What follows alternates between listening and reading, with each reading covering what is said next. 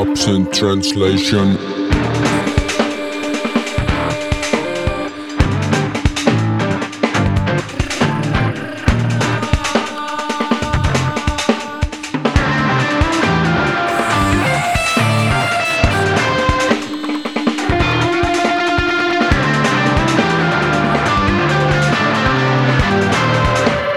Absent translation. Absent Translations ehk tõlked eemalviibijatele on eksperimentaalne raadioformaat, mille raames noored Eesti kultuuritegelased jagavad teiega oma täiesti subjektiivseid elamuskogemusi. head kuulamist. tervist, mina olen Peeter Kalmašov, kirjanik ja ajakirjanik. ja täna räägin ma teile sellest, kuidas ma käisin äh, Veneetsia kunstibiennaalil. Veneetsia kunstibiennaal avati alles aprilli lõpus äh, ja kahekümne kolmandal täpsemalt ja on avatud kahekümne seitsmenda novembrini. ja see on maailma üks äh, kõige suuremaid kunstisündmusi, kus igal aastal käib pool miljonit külastajat ja Eesti kunstnikud on seal olnud ka esindatud juba üheksakümnendatest peale. ja kõik, kes sinna pääsevad, on ikka, loe, loetakse väga prestiižsete äh, ütleme, kunstnike hulka siis äh, kogu maailmas. Veneetsia on väga-väga ilus linn, nagu äh, kõik teavad ilmselt kooli kunstiajaloost, sest seal on Tootside palee, Püha Markuse väljak kondlimehed, kes üritavad sind endaga sõitma meelitada. ja loomulikult on seal väga-väga hea söök. aga noh, restoranidega on ikka nii, et kõige paremad asuvad kõrvaltänaval ja, ja mida pikem menüü, seda kiiremini tasub sealt eemale joosta. minu õnneks olin ma teinud eeltööd ja vaadanud välja, mis, mis on paremad kohad ja kuna biennaalil käib alati väga palju eestlasi, ütleme kogu kultuurielu koorekiht on seal kohal, siis seetõttu oli mul ka soovitusi varuks.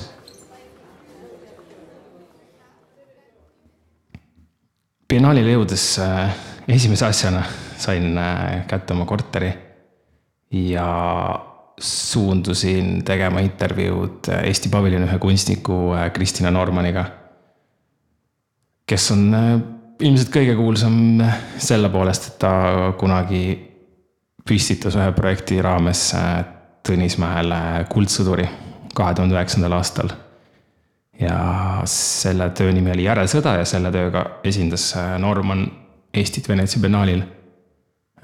ja juba kahe, kahe tuhande üheksandal aastal.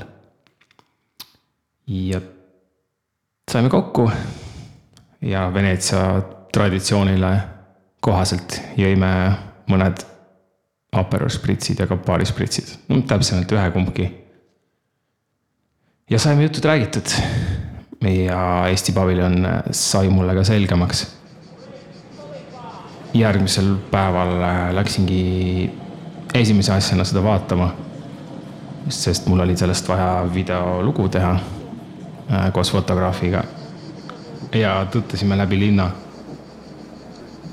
Veneetsia tänavad on väga kitsad, seal on väga palju inimesi.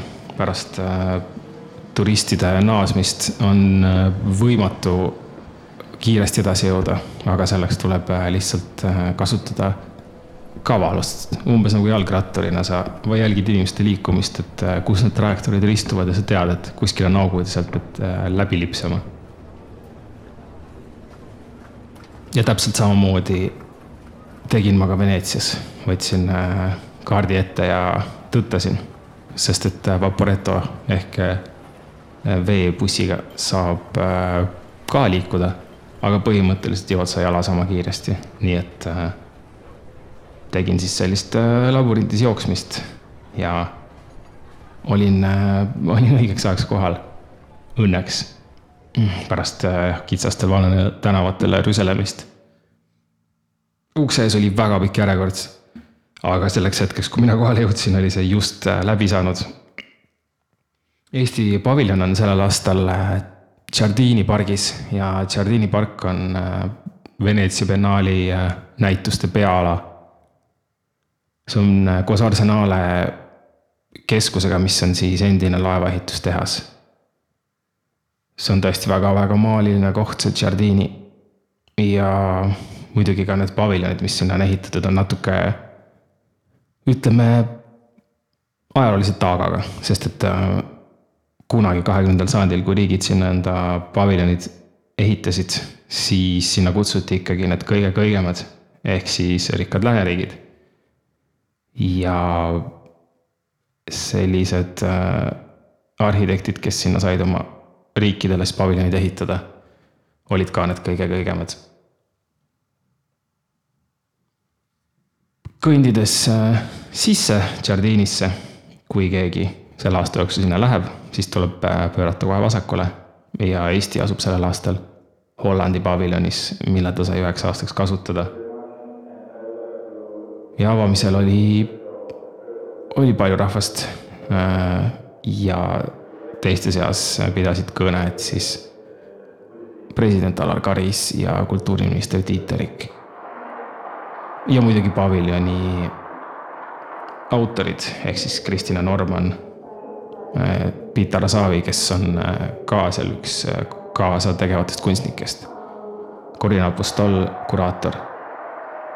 ja muidugi Mari Arusoo, kaasaegse Eesti Kunstikeskuse juhataja ja Eesti paviljoni komissar. ja kohal olid kõik, nagu ma ütlesin, Eesti kultuurikoorekiht käib seal tihti seal olid Juhan Ulfsak ja Mart Kangro, ajakirjanikud Aleksandr Tsapov, Janar Ala, Keiti Vilmsi nägin, nägin Sandra Jõgevat ja veel paljusid teisi, kes mul praegu meelde ei tule. aga see oli äh, tore ja kõige parem oli see, et publikule tundus see töö meeldivat, et ei olnud see paviljon, kust kõik läbi jooksid, sest seda juhtub, äh, juhtub ka biennaalil, et lihtsalt mõned paviljonid jäävad tühjaks. liiga palju on äh, kunsti. Kokku on biennaalil kaheksakümmend rahvuspaviljoni sellel aastal. ja selle kõrval on peanäitusel mitusada kunstnikku, nii et kõike lihtsalt ei jõua, tuleb teha valik. minu jaoks oli Eesti paviljoni töö alguses ma olin skeptilisem, et kuidas see kontseptsioon töötab, aga ma pean ütlema, et sisse kõndides oli see Äh, väga huvitav. alguses jagatakse publik kaheks, saab minna sisse kas vasakult või paremalt. ja vasakult sisenevad siis äh, nii-öelda lihtrahva esindajad. paremalt jällegi iga kümnes, kes on siis aadlik. ja valiku teevad äh, paviljoni uksel töötajad täiesti suvaliselt.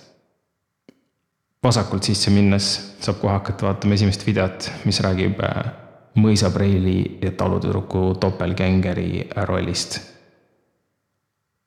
Ja teiselt poolt sisse minnes tuleb minna, äh, kõndida mööda kaldteed, mis on äh, nagu mõisaparaat trepi sarnane konstruktsioon.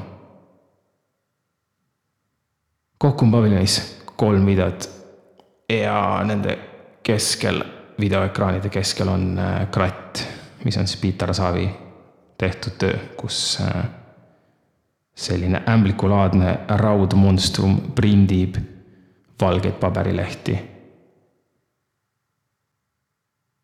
ja kogu see töö on siis äh, koloniaalkriitiline. ehk siis minu põhiküsimus oli ka, et kuidas saavad olla seotud Eesti ja koloniaalajalugu. et eestlased on ju ometi nad rõhutud seitsesada aastat ja orjapõlve ja kõik see muu aga nagu ma teada sain Kristjan Normaniga vesteldes, siis see ei olegi selle töö võib-olla mõte, et seal on äh, lihtsalt see perekonnalugu on huvitav, perekond Saalid, kirjanik Andres Saal, kes äh, kolis, äh, kes oli kirjanik ja ajakirjanik Eestis üheksateistkümnenda sajandi lõpus ja kolis fotograafi ameti selgeks õppimise järel Indoneesiasse, mis tollal kuulus Hollandile. Ja temaga koos äh, läks tema naine Emilia Rosalia Saal, kes äh, maalis orhideesid ja eksootilisi taimi. ja tema töödest oli näitus ka Los Angeleses tuhande üheksasaja kahekümnendatel, tollal väga-väga uhkes näitusesaalis. ja see, et naine sai oma töid näidata nii tähtsas kohas, oli, oli suur asi seal Teaduste Akadeemias, kus see näitus oli. nii et Eesti lihtrahva hulgast pärit inimesed, kes lähevad Indoneesiasse ja neist saab äh, justkui kõrgklass, et see on selline huvitav ajalooline fakt, mida väga sageli just ette ei tulnud. ajalugu mulle väga meeldib, võib-olla ma sellepärast vaatasin seda tööd kuidagi niimoodi teise pilguga. samuti on see ökokriitiline, et kuidas taimed osalevad, kuidas taimetööstus ja votililletööstus ja orhideede tööstus on siis ühtlasi keskkonda hävitav. Keskkond on biennaalil muide alati üks põhiteemasid ja ka sellel aastal oli fookuses, olidki kolm asja, oli keskkonna ja inimese suhe, noh, inimese ja looduse suhe, inimkeha, loodus, siis inimene ja masin või inimene, tehnoloogia. ja üldse inimkeha erinevad väljendusvormid, sõltumata siis soost või seksuaalsusest või, või üldse millestki. Või ka sellega, sellest just sõltudes.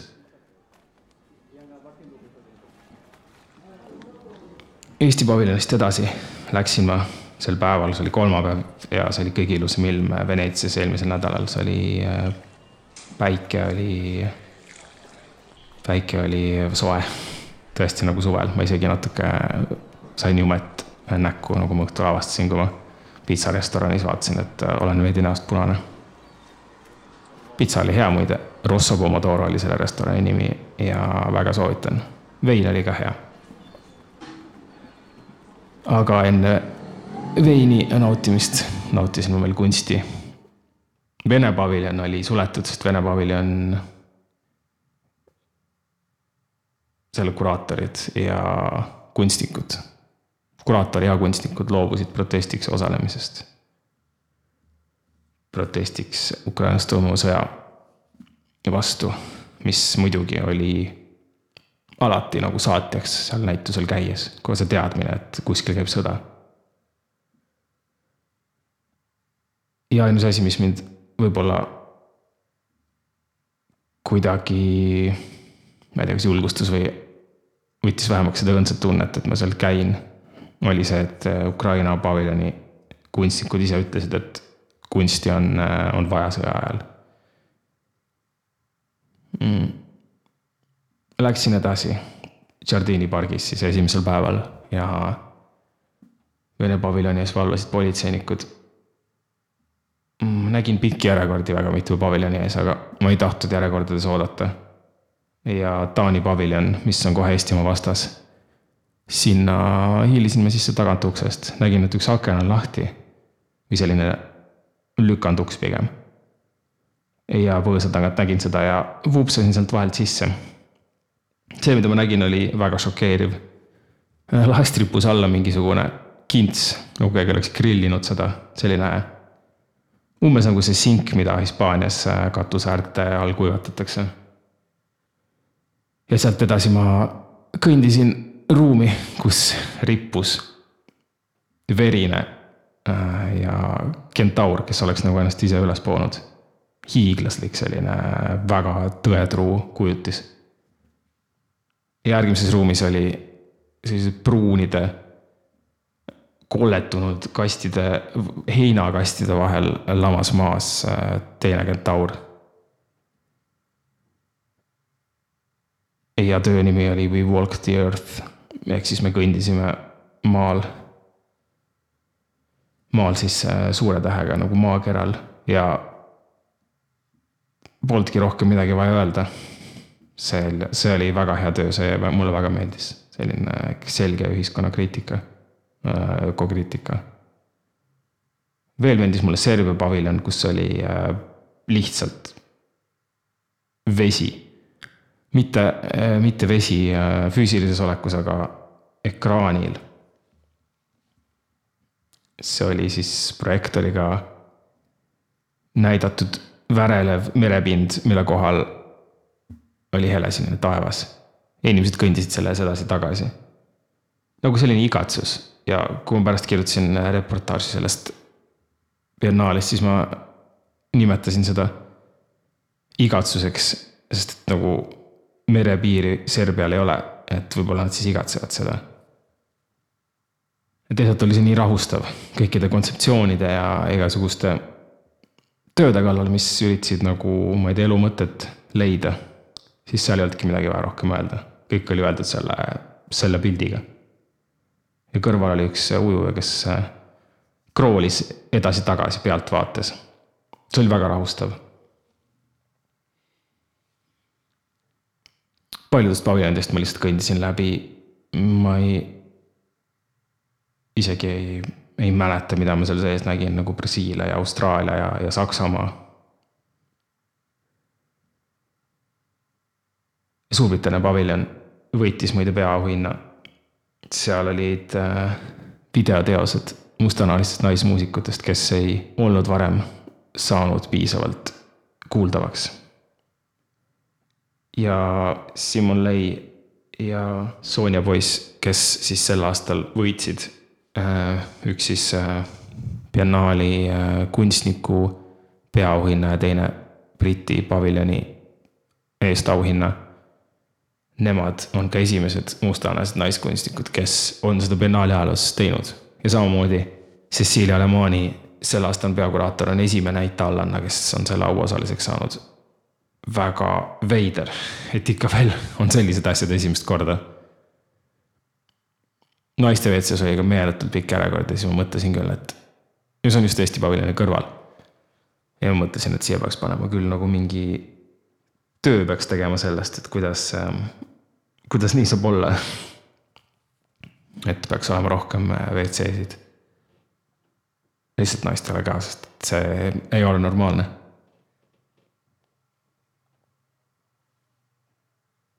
edasi kõndides mulle meeldis veel Jaapani paviljon, kus oli selline punane lasertriip, mis jooksis mööda seina. ja see oli selline mere ja ookeani olustikukriitiline töö. ja Korea paviljon, kus olid geneetilised skulptuurid, selline nagu Sauruse selgroog, millest igaüks võib lugeda välja, mida tahab, aga minu jaoks oli see nagu ühisteadvus. nutitelefonid, mis on ritta pandud. kuigi need ei olnud nutitelefonid, olid helendavad ekraanid ja siis ma väsisin ära, sest kunsti on palju ja, ja kunsti, et vastu võtta, peab vaatama niimoodi tükikaupa. vähemalt mina pean. ja ma oleks tahtnud ka lamada nende teiste, teiste kombel, kes seal mõned inimesed hommikust peale, kes on käinud kõiki asju vaatamas, lihtsalt vedelevad. joovad espressot, söövad võileiba ja võitlevad sügisel võitlevad helilastega, praegu ei pidanud eriti millegagi võitlema sügisel, sellepärast et eelmise aasta arhitektuuribiennaalil ma seda nägin. edasi käisin ka peanäitusel, mis ongi siis Alamani kureeritud. aga ma olen täiesti kindel ja tean, et kõik biennaali külastajad minuga ei nõustu, aga minu jaoks nii Arsenale kui ka Giardini peanäitused olid, seal oli liiga palju asju. et nagu vähem on rohkem minu jaoks vähemalt kõik oli kuidagi väga üle kuhjatud ja minu jaoks oli liiga palju infot ja liiga palju inimesi. ja kõigil oli midagi väga tähtsat öelda, aga ma ei saanud mitte midagi sellest ei jõudnud mulle eriti kohale. mulle meeldis veel, kui paviljonidest rääkida, teisel päeval, kui ma läksingi Läksingi siis ka Arsenalet avastama, siis meeldis mulle seal, mis oli juba kolmas päev. esimene päev kulus ainult Eesti paviljonile. kolmas päev biennaali. ja siis ma käisin esimese asjana Ukraina paviljonis. mu jalad olid täiesti märjaks saanud, sest vihma oli sadanud hommikust peale. selline peen uduvihm, mis tundub, et ei tee midagi, aga kahekümne minutiga oled sa täiesti märg pärast avastasin ma korterist, kus ma peatusin, et seal olid ka kummikud. nelikümmend neli suuruses täpselt, mida mul vaja oli, aga no nagu ikka, tagantjärele tarkus, ei olnud mingit kasu nendest. igatahes olin ma kohal ja Ukraina kunstnikud, jah, seal oli palju rahvast, see oli, see oli võitlus, et sinna esitlusele pääseda isegi kutsetega ei tahtnud turvamehed sisse lasta, sest et huvilisi oli väga palju. minu fotograaf ei saanudki sisse. kiurkaasik, kellega koos me oleme käinud juba mõnelgi reisil ja, ja lahedates kohtades. nüüd kahjuks pidi ta jääma sinna ootama. ja ma pidin telefoniga siis tegema pilte, aga pole lugu ega esitlused ei olegi nii huvitavad visuaalselt, seal on lihtsalt see jutt äh, mõnikord tähtis. Inimesed plaksutasid püsti seistes. aga ikkagi oli mul selline tunne, et nagu tegelikult me lihtsalt räägime ja, ja midagi ei toimu.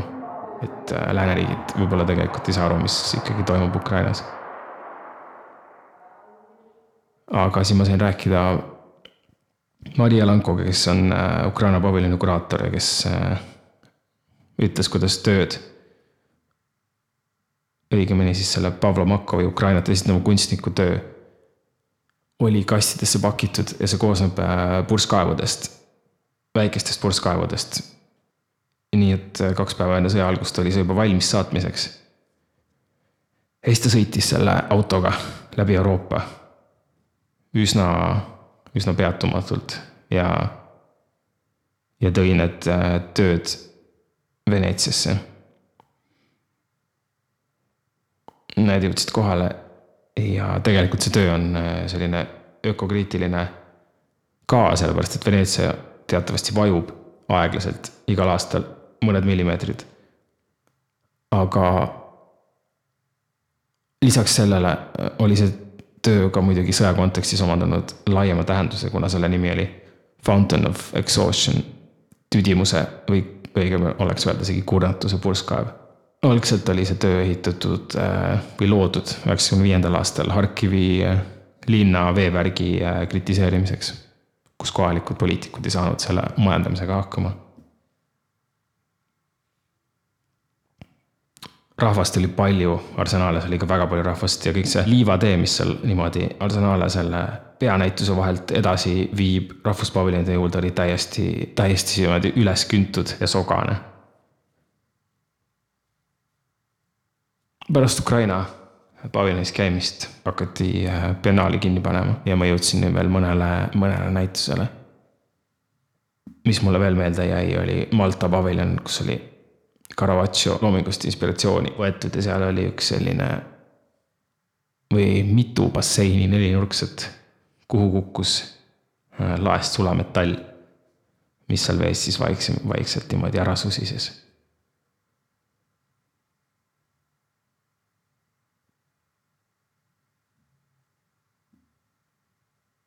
ja veel käisin ma vaatamas, mis mulle meeldis, oli Peruu paviljon, kus oli, mängiti punki ja kus olid graffiti seinad. ja kaheksakümnendate siis äh, üliõpilaste ja intelligentide ja äärmusrühmituste kokkupõrgetele oli siis see väljapanek pühendatud. mis penaalil ma rohkem silma jäi, oligi, olidki tööd, mis nagu kas ei proovinud liiga palju või siis millel oli selline sügavam taust et need meeldisid mulle kõige rohkem. võib-olla need, mis nagu, mida, mis olid noh, proovisid liiga, kuidagi keeruliselt oma ideed edasi anda, need minu jaoks ei töötanud. ma usun, et kunstikriitikute jaoks ja kunstnike jaoks need töötavad. aga tavavaataja ei jõua kõiki neid stende läbi lugeda. ta tahab midagi, mis on võib-olla natuke rohkem valmis nii nagu hea lavastuse puhul. minu meelest on hea, kui on natuke tunda sellist lavastaja käekirja või kunstniku puhul samamoodi kunstniku käekirja. sest muidu see paistab lihtsalt laiskusena. see piir selle laiskuse ja kaasamise vahel on väga, väga õhkõrn, kus publik tunneb, et ta, et temast ei ole töö ära tehtud ja see, kus ta tunneb, et talle antakse midagi uut, talle avatakse mingi usuks, kus ta saab nagu ise edasi avastada selle leidmine ongi nagu kunsti eesmärk minu meelest.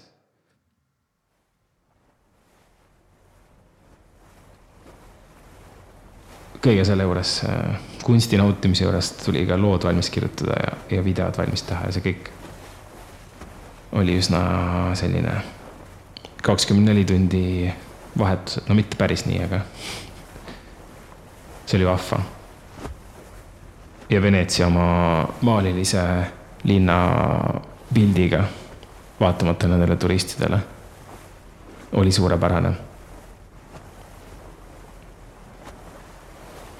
võib-olla, mis selle kõik võiks kokku võtta, on äh, see pidu, kus ma käisin neljapäeval ja see oli Eesti-Hollandi paviljoni ühispidu, kus inimesed ennast värvilistesse kostüümidesse pannud, tantsisid ja rõõmustasid ja Itaalia turvamehed ja hotellitöötajad ütlesid, et nad ei arvanud, et asi nii metsikuks läheb.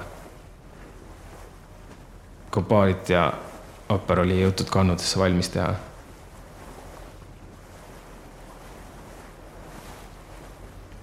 ja Karolin Poska, keda näeb ka Kristina Normani videoteoses, tegi sellise performance'i, kus ta keerutas ennast nagu tervis, tal oli relv kaelas.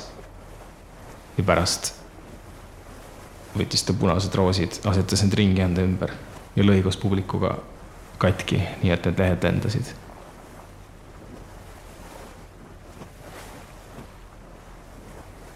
kõigile, kes äh, tahavad Veneetsiasse minna äh,, soovitan väga biennaalil käia. sest et igaüks leiab sealt kindlasti mõne töö, mis temas mõtteid tekitab ei pea kõike läbi käima, ei jõuagi kõike läbi võtta, see on täiesti võimatu. ja üks minu soovitusi oleks kindlasti ka Melanie Bondajo töö, kes on Hollandi kunstnik. ja Eestiga siis selleks aastaks kohad vahetanud, ehk siis Hollandi kunstnik oli linnaruumis. ja tema töödes olid sellised, või tema videotöös olid äh, inimkehad, mis olid õliga üle kallatud ja siis aheldasid üksteise otsas.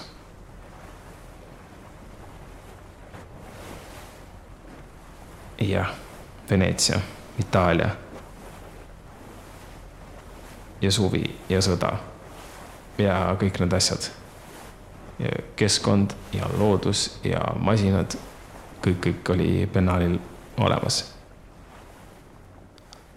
aga see, mida igaüks sealt kaasa võtab on tema enda teha.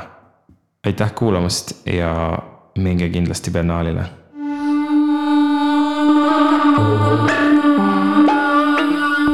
Absent translation.